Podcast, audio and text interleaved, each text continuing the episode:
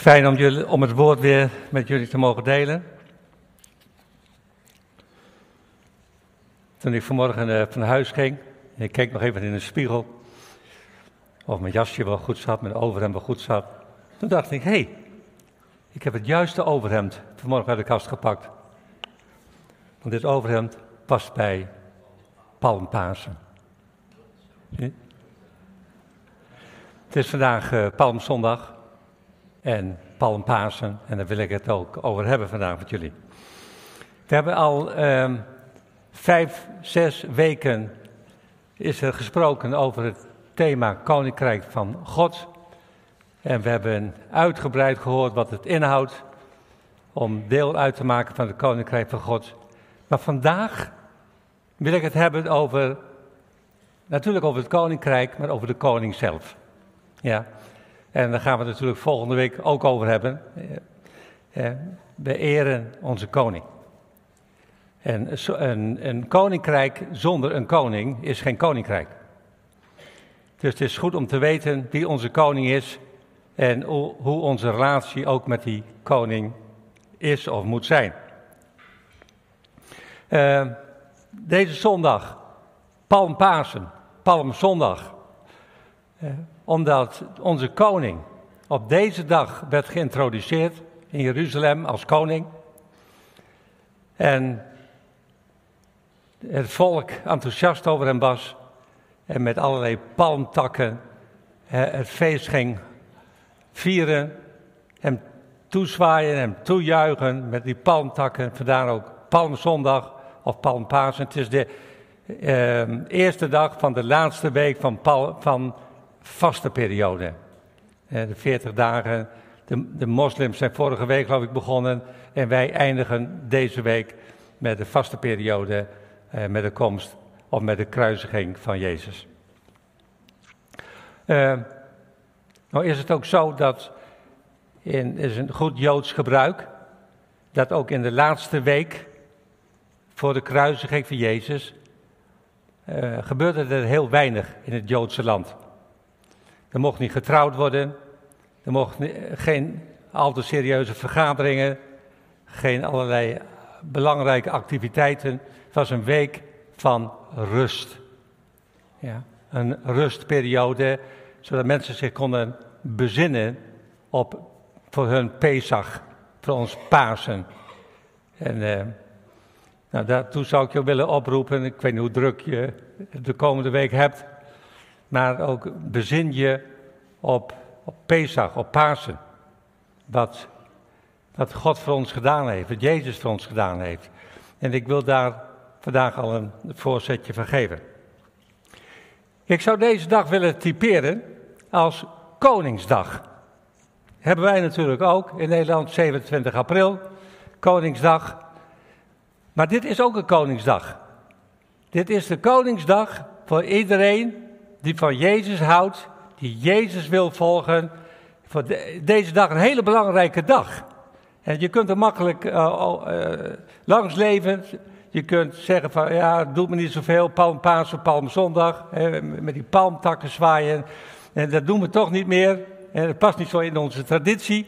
Maar het is wel een hele belangrijke dag. Maar op Koningsdag hè, vieren we hoe belangrijk onze koning voor ons is. Vieren we dat hij koning is van ons land. En in dit geval vieren we dat Jezus de koning is van zijn koninkrijk. En van het koninkrijk van de Vader. Het is eigenlijk heel bijzonder, ook deze dag. Jezus laat zich eigenlijk min of meer kronen, niet letterlijk, maar hij wordt koning van Israël. Terwijl hij daarvoor herhaaldelijk gezegd heeft: nee, ik wil geen koning zijn. Ik ben niet jullie koning. Ik ben Jezus, ik ben jullie Heer. Ik leid jullie, ik help jullie, ik bemoedig jullie. Maar koning. Terwijl hij door de provincie ging, Galilea, Judea, Samaria, door de provincies van, van Israël, eh, werd er vaak druk op hem uitgeoefend. Maar jij bent onze koning. Want jij hebt alle kracht en macht en autoriteit die, die een koning nodig heeft. Maar Jezus hield de boot af. Ja. Tot dit moment. En ik denk dat dit moment een moment was wat door God bepaald is. Door zijn vader. Zijn vader heeft bepaald dat op deze dag hij koning zal worden, koning zal zijn van het koninkrijk van God. Ik ga niet alle teksten daarover lezen, maar als je een belangrijke tekst in dit verband wil lezen, is Malachi 9, vers 9. Daar staat al in dat dit ging gebeuren op deze dag. Dat hij koning zou worden. Ja. En dat er een soort palmpasen zou komen. Dus deze dag was al voorzegd. Het is niet zomaar een toevallige dag dat Jezus binnenloopt in Jeruzalem en het volk enthousiast is, want ze waren enthousiast over Jezus, want Jezus deed geweldige dingen, geweldige wonderen en tekenen en hij had fantastische verhalen verteld, de gelijkenissen enzovoort. Eh, maar hij was niet toevallig in Jeruzalem. Hij wist, ik moet naar Jeruzalem, want mijn vader wil dat ik naar Jeruzalem ga. Mijn vader heeft een plan met mij. Mijn vader heeft een plan met deze wereld. En daarom ging hij naar Jeruzalem. Dan was het zo dat een koning in de Joodse tijd, in het Oude Testament zie je dat vaker, een koning als die gekroond werd, ging die naar Jeruzalem.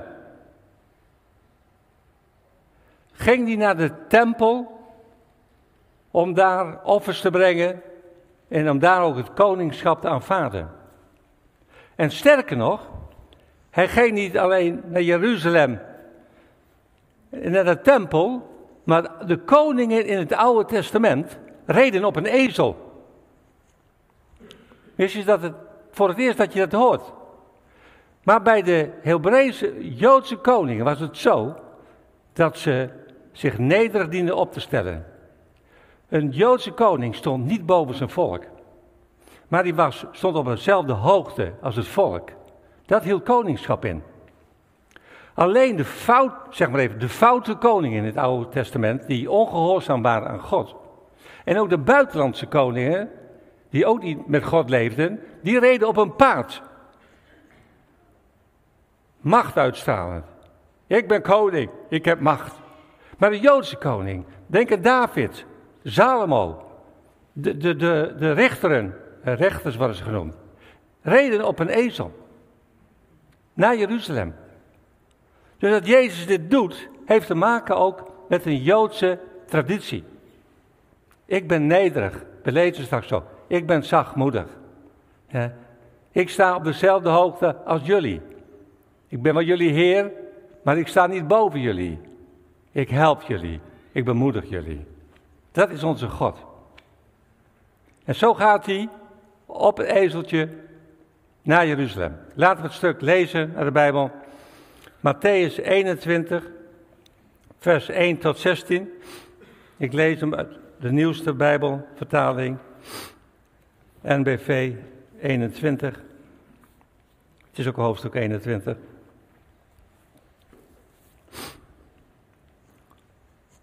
De intocht in Jeruzalem. Toen ze, dus Jezus en de discipelen, Jeruzalem naderden en bij Bethfage op de Olijfberg kwamen, stuurde Jezus twee leerlingen erop uit met de opdracht: Ga naar het dorp dat daar ligt. Zodra je het binnenkomt, zul je een ezelin vinden die daar vastgebonden staat met haar veulen. Maak de dieren los en breng ze bij mij. Dan lijkt dit een heel apart verhaal. Dat Jezus dat uh, zijn discipelen en ook de mensen uh, commandeert om dat te doen. Maar ook dit is een gewoonte. Jezus was in de Joodse traditie een rabbi. Want hij was meester. Hij was leraar. Hij wordt ook vaak rabbi genoemd. Ja. En rabbies mochten in die tijd dit doen. Die mochten een ezel uh, opeisen van de mensen. Dat was een gewoonte. Maar onder één voorwaarde. De rabbi moest wel diezelfde dag, aan het eind van de dag, de ezel weer terugbrengen. Maar ze mochten gratis rijden op een ezel. Dat was voorbehouden aan een rabbi. Dus het werd ook voorbehouden aan Jezus. Dat Jezus dit doet, is dus niet iets bijzonders. Uh, en als, jullie, als iemand jullie iets vraagt, antwoord dan: De Heer heeft ze nodig. Dan zul je ze meteen meekrijgen. Dit is gebeurd omdat in vervulling moest gaan, waardoor de profeet is gezegd: Zeg tegen vrouwen Sion, dat is Jeruzalem, kijk, je koning is in aantocht. Hij is zachtmoedig en rijdt op een ezelin en op een veulen, het jong van een lasdier. De leerlingen gingen op weg en deden wat Jezus hun had opgedragen. Ze brachten de ezelin en het veulen mee, legden er mantels overheen en Jezus ging erop zitten. Vanuit de menigte spreidden velen hun mantels op de weg uit. Anderen braken takken van de bomen en spreidden die uit op de weg. De talloze mensen die voor hem uitliepen en achter hem aankwamen, riepen luidkeels: Hosanna voor de zoon van David. Gezegend hij die komt in de naam van de Heer. Hosanna in de hoogste hemel. Toen hij Jeruzalem binnenging, raakte de hele stad in rep en roer. Wie is die man, wilde men weten. Uit de menigte werd geantwoord, dat is Jezus, de profeet uit Nazareth in Galilea. Jezus ging de tempel binnen en joeg iedereen weg die daar iets kocht of verkocht. Hij gooide de tafels van de geldwisselaars en de stoelen van de duivenverkopers omver en riep hen toe: Er staat geschreven: Mijn huis moet een huis van gebed zijn. Maar jullie maken er een rovershol van. Toen kwamen er in de tempel blinden en verlamden naar hem toe. En hij genas hen. Een huis van gebed. Hij genas hen. De hoge priesters en de schriftgeleerden zagen welke wonderen hij verrichtte en hoorden hoe de kinderen in de tempel Hosanna voor de zoon van David riepen. En ze waren hoogst verontwaardigd. Ze vroegen hem, hoort u wat ze zeggen? En Jezus antwoordde hen, jazeker. Hebt u dat nooit gelezen? Door de mond van kinderen en zuigelingen hebt u zich lof laten toezingen.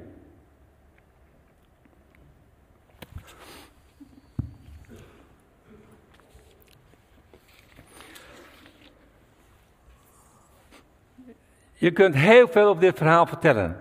Ik heb ook altijd die neiging om heel veel te vertellen en omheen te vertellen, omdat ik denk vaak, de context waarin iets gebeurd is, is ook heel belangrijk om het verhaal goed te begrijpen. Maar dat ga ik niet doen, want over dit, over dit hoofdstuk kun je wel, wel vier, vijf keer een, een verhaal vertellen. Maar goed, in het kort. Jezus ging naar Jeruzalem. En de belangrijkste vraag is natuurlijk, waarom ging Jezus naar Jeruzalem? En dat weten we. Dat gaan we volgende week vieren. Hij ging naar Jeruzalem omdat hij gekruisigd werd in Jeruzalem. En is dat het hoofddoel? Heb me afgevraagd. Is dat het hoofddoel, de kruisiging van Jezus? En is dat het belangrijkste waarom Jezus naar Jeruzalem ging? Weet je, je kunt daarbij stilstaan, bij die kruisiging. En dat kan een, ding worden op zich. Ja, gekruisigd. Hij is gekruisigd voor ons. Maar ten diepste gaat het om de vraag: waarom werd hij gekruisigd? En dat bedoel ik niet eens, en dat weten we allemaal. Hij ging voor onze zonden, voor onze ziekten. Hij ging om de duivel te onttronen. Maar wat is ten diepste waarom Jezus naar het kruis ging? Waarom Jezus naar Jeruzalem ging? Omdat hij de opdracht had gekregen van de Vader. Ja, laat mij zien. Laat mij zien. Laat zien hoeveel ik van mensen hou. Hoeveel ik om mensen geef. Hoeveel genade ik heb voor mensen. Hoeveel liefde ik heb voor mensen. Daarom kwam er een kruisiging. Maar ten diepste wat erachter zit is enorme liefde van God de Vader voor ieder mens. Ja. Hij houdt van je. Snap je? En Koningsdag is een dag waarop we mogen zeggen, hij houdt van ons. Niet alleen mee zwaaien met palmtakken of met onze prachtige liederen, maar hij houdt van ons. Nou, dat is de boodschap. En weet je, ik vind het zo mooi. Want dat de Vader dit gedaan heeft. Want, wees eerlijk, wat voor een beeld hebben wij vaak van God de Vader? Heel vaak is ons beeld gevormd door wat de Vader gedaan heeft in het Oude Testament met het volk Israël. Ja. Dat bepaalt heel vaak ons beeld van de Vader. En ik denk dat de Vader daar vaak ook heel veel verdriet van gehad heeft. Dat we Hem niet goed begrepen hebben in het Oude Testament. Dat we niet gesnapt hebben waarom Hij gedaan heeft, wat Hij gedaan heeft in het Oude Testament.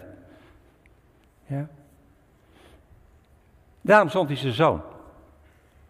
Hij zei tegen zijn zoon: Laat zien wie ik ben. Laat zien wie ik ben. En daarom staat er ook in Johannes 14, er staat dit. Als je de vader wilt leren kennen, moet je de zoon kennen. Staat er net andersom. Wie de zoon kent, kent de vader. En niet andersom. Mensen, ken, ken je dat programma nog van zo vader, zo zoon? Zo vader, zo dochter, zo moeder, zo zoon, zo moeder, zo dochter. Het ging, de ouder centraal, het kind daarna. Want het kind lijkt op de ouder. Dus ik ken dat programma, zo vader, zo zoon. Maar God draait het hier om. En dat staat ook op centraal op deze Koningsdag. God gaat het omdraaien. En God zegt, zo zoon, zo vader. Ik wil dat jullie nu naar mijn zoon kijken, opdat jullie ook een goed beeld krijgen van mij. Ik als vader, als God de Vader. Ja. Toen ik 30 jaar geleden, het is wel langer geleden denk ik, nog in het onderwijs werkte en, en ik ook onderwijs gaf aan eh, leerlingen van 16 tot 21 jaar, had ik een collega die godsdienst gaf. Niemand benijde hem. Want godsdienst geven aan 16 tot 21 jaar, 21 jaar, was 30, 40 jaar geleden al, al heel lastig. Ja? Hij gaf godsdienst. En hij vertelde over, hij was heel radicaal. Hij was voor mij ook een voorbeeld. Hij vertelde over Jezus. Hij vertelde over het koninkrijk. Hij vertelde over het kruis. Over alle belangrijke onderwerpen vertelde hij uh, een Bijbelse visie aan de leerlingen. Maar hij zei: elk jaar is er wel een leerling die mij vraagt. Ja, je vertelt over Jezus. En we horen veel over Jezus. Hè, en, en, en, we vloeken wel eens met de naam van Jezus. En Jezus is belangrijk. Maar hoe ziet die Jezus er dan uit? Je kunt er van alles over vertellen. En de, zei die docent altijd dit. Kijk naar mij. Kijk naar mij.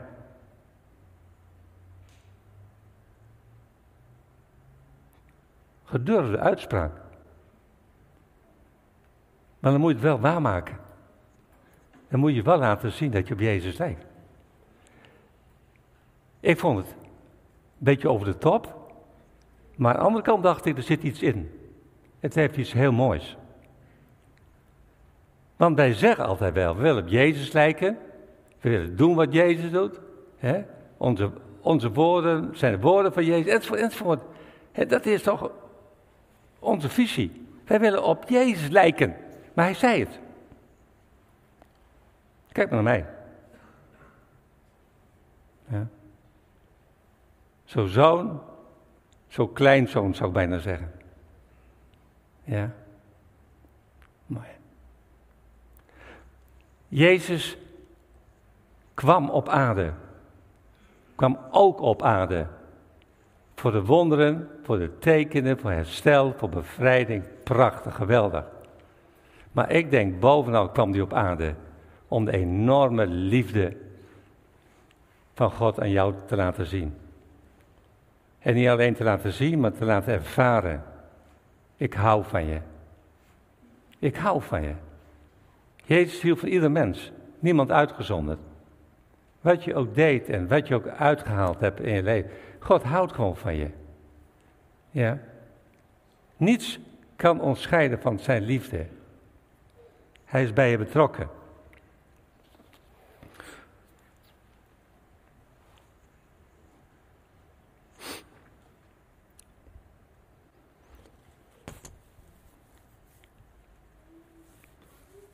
Ik, ik ben heel benieuwd wat Jezus gedacht heeft toen hij op dat ezeltje zat en al die mensen zag.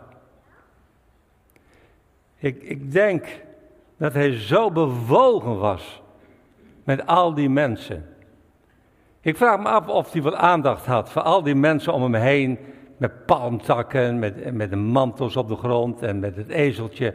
Ik denk dat Jezus zo bewogen was. Want Jezus was niet met zichzelf bezig. Ja. Jezus was niet bezig met status, met, met, met eer, met roem. Eh, wat de mensen ook van hem zeiden en wat de mensen ook naar hem toe riepen. Maar Jezus was bezig altijd met mensen. Om mensen liefde te geven, mensen te herstellen, eh, genade te geven van God. En ik denk dat hij zo Jeruzalem binnenreed. En weet je, in zijn hart droeg hij iets mee, iets zwaars. Want hij wist hoe het met Jeruzalem ging aflopen. Een aantal hoofdstukken verder ook lezen we ook dat Jezus huilt om Jeruzalem. Huilt omdat de tempel zal vergaan. Huilt omdat Jeruzalem verwoest zal worden. Dat droeg Jezus, want Jezus wist wat er zou komen. Ja. En daarom was hij bewogen met die kudde. Je, met, met de menigte. Jezus wist, die al die mensen om me heen, die staan nu te juichen voor mij. Hosanna, zoon van David, zoon van de Allerhoogste. Hosanna. Maar Jezus wist, nu eren ze mij. Nu roepen ze Hosanna. Maar over een week roept de menigte. Kruisig hem. Aan het kruis met hem. Weg met hem. Zo kan binnen een week iets veranderen.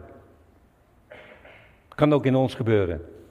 Soms binnen een dag, soms binnen een paar uur kunnen dingen veranderen in je gedachten, in je ideeën. Ja. Maar mensen kunnen veranderen.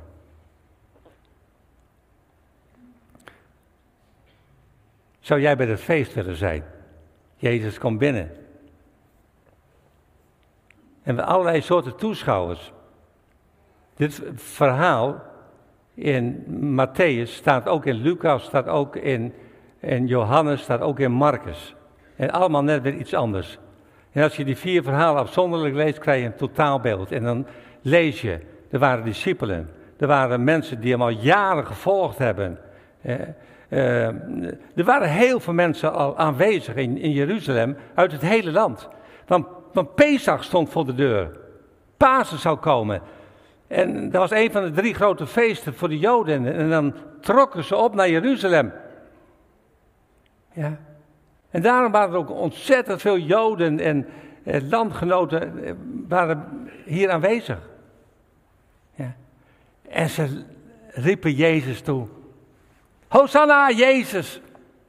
Ze hadden allemaal over Jezus gehoord. Hosanna, onze koning. Heer, we prijzen u. En weet je wat er staat? De meeste mensen, de meeste mensen uit de menigte deden jassen uit. En die gooiden ze op de straat. En kon die overheen rijden. Ja. Nou, je jas uitdoen betekent ook iets van je identiteit afleggen. Zoals God bij de verloren zoon, de verloren zoon een mantel gaf, een nieuwe mantel is iets van je, nieuw, van je identiteit. Ze deden een mantel uit en wierpen ze op straat.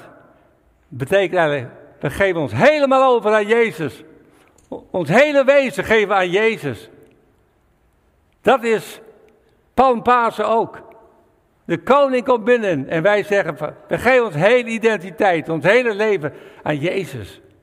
Mooi beeld. En ze klommen de bomen in haalden de takken af En dan gingen ze mee zwaaien.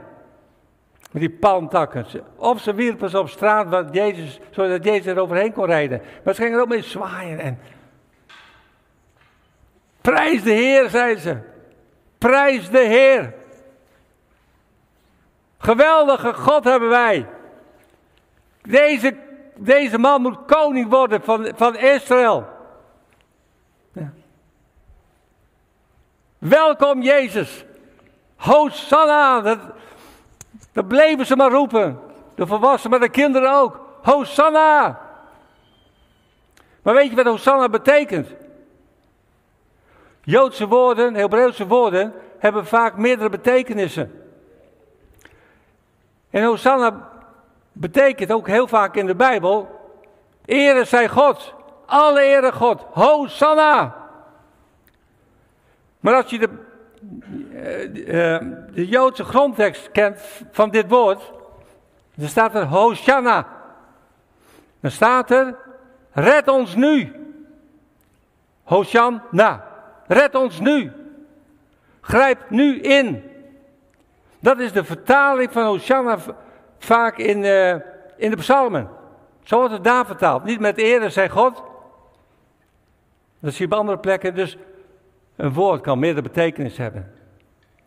En ik denk, deze mensen, die menigte in Jeruzalem. Ik denk dat ze beide riepen. En ere zij God. Fantastisch, we houden van u. Maar ook, Heer, we hebben u zo nodig. Grijp toch in, nu. En dan moet je de achtergrond weten van deze menigte. Deze menigte verkeerde in wanhoop.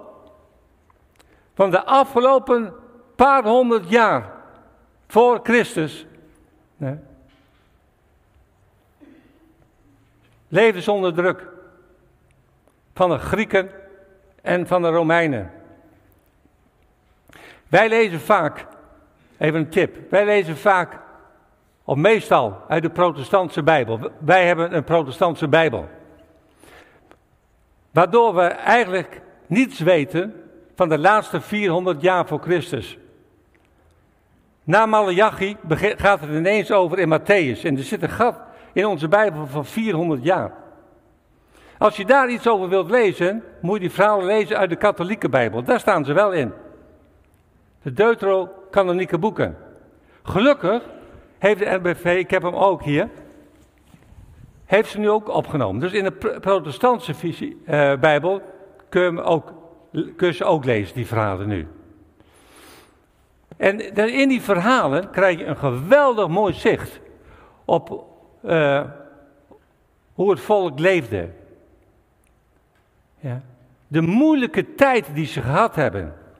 Hier en daar, ik moet wel vaker denken als we die beelden zien van uh, Oekraïne. Die beelden had je toen ook al. Ja, ja geen social media. Hè? Maar als je die verhalen leest. Ook daar werden dorpen omsingeld. Volkomen uitgeroeid. In die tijd.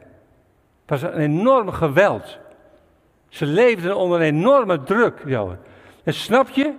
Hun honger, hun hunkering naar een bevrijder. We hebben iemand nodig.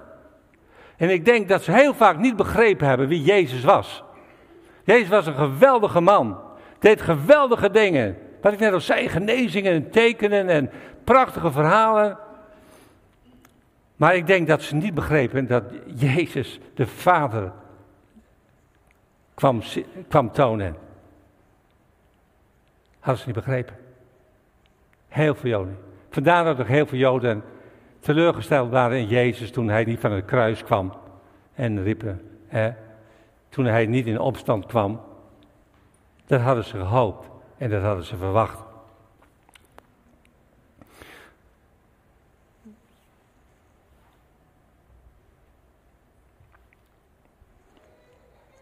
Hoe zou jij daarbij staan als uh, Jezus daar binnenkomt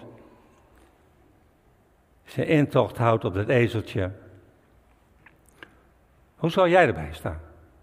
Zou je iemand van de menigte zijn? Of zou je iemand zijn die aan de kant staat, af en toe misschien eens uh, die palmtak pakt en af en toe zwaait zo. Ik hou van Jezus. Maar ondertussen schaam je je misschien wel dat je dat gedaan hebt. Of sta je daar, die stonden er ook die mensen, of, ben je een soort criticus. Je staat, ja, Jezus, prachtige verhalen. Maar ik zie zo weinig, ook in onze gemeente, zo weinig genezingen, zo weinig herstel. Ik ben eigenlijk wel een beetje kritisch over wat, eh, wie, wie, Jezus is en uh, wat hij doet uh, nog. Ja. Of ben je iemand zoals die collega van mij die ja, enthousiast is, die maar één wilde dat mensen aan hem zagen dat hij de zoon weerspiegelde. Je kunt op allerlei manieren daarbij staan. Ja. Hoe staan wij erbij?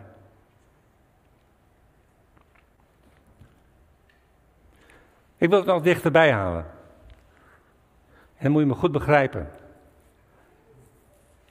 Mijn vrouw zegt altijd, dat moet je niet zeggen. Maar ik heb altijd wel zoiets van, ja, ik wil even iets uitleggen en ik denk um, dat, dat het iets te maken heeft met de kern van dit verhaal.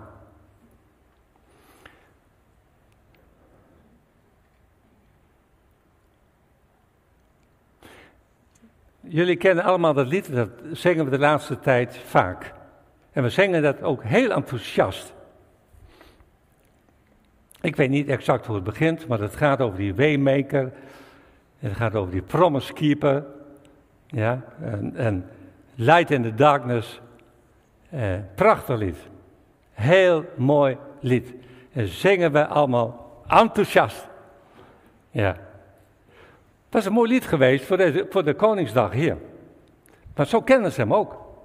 Hij, hij was een promise keeper en hij deed wonderen en hij tekenen en was licht in de duisternis. Dat is een prachtig lied op Koningsdag. Ja.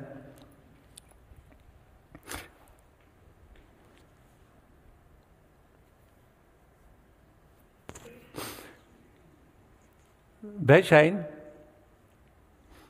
als, ja laat ik ons maar even evangelische christen noemen, hè, even een, een naampje hebben. Uh, wij houden ook van geloof beleven met onze emoties. Dat vinden we fijn. Ons geloof zit niet alleen in ons hoofd. We willen het niet alleen maar redeneren, maar we willen het ook beleven met onze emoties. Ja. Dus vandaar dat we ons ook in, in, de liederen wat laten gaan van, uh, ja, en we springen en we dansen en we huppelen en we doen van al vlaggen. En het heeft ook met onze emoties te maken. Snap je?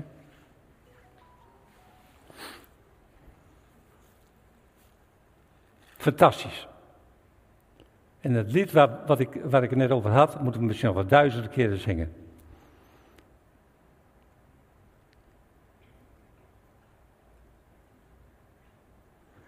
Maar ik vraag me wel eens af, nou even persoonlijk, hè. Als ik dat lied zing, bedoel, wat gebeurt er dan met mij? Wat zing ik nou ten diepste?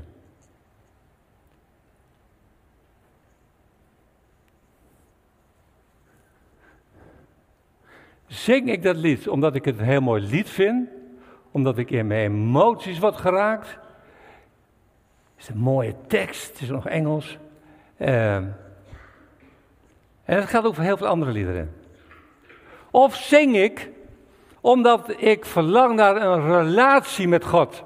Omdat ik verlang naar een stukje intimiteit met God.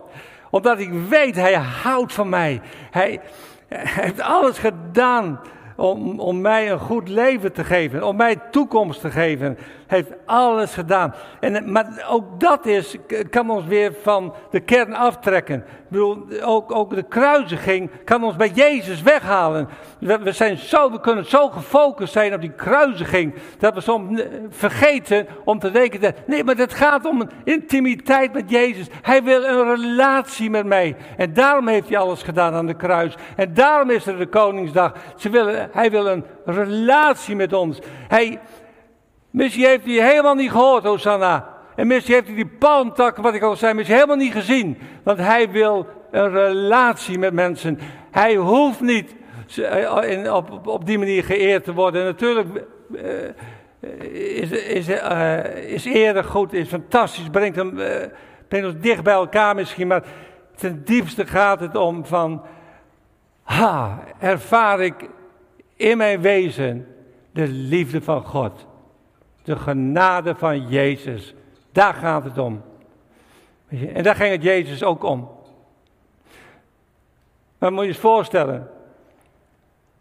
De volk is super enthousiast over hem.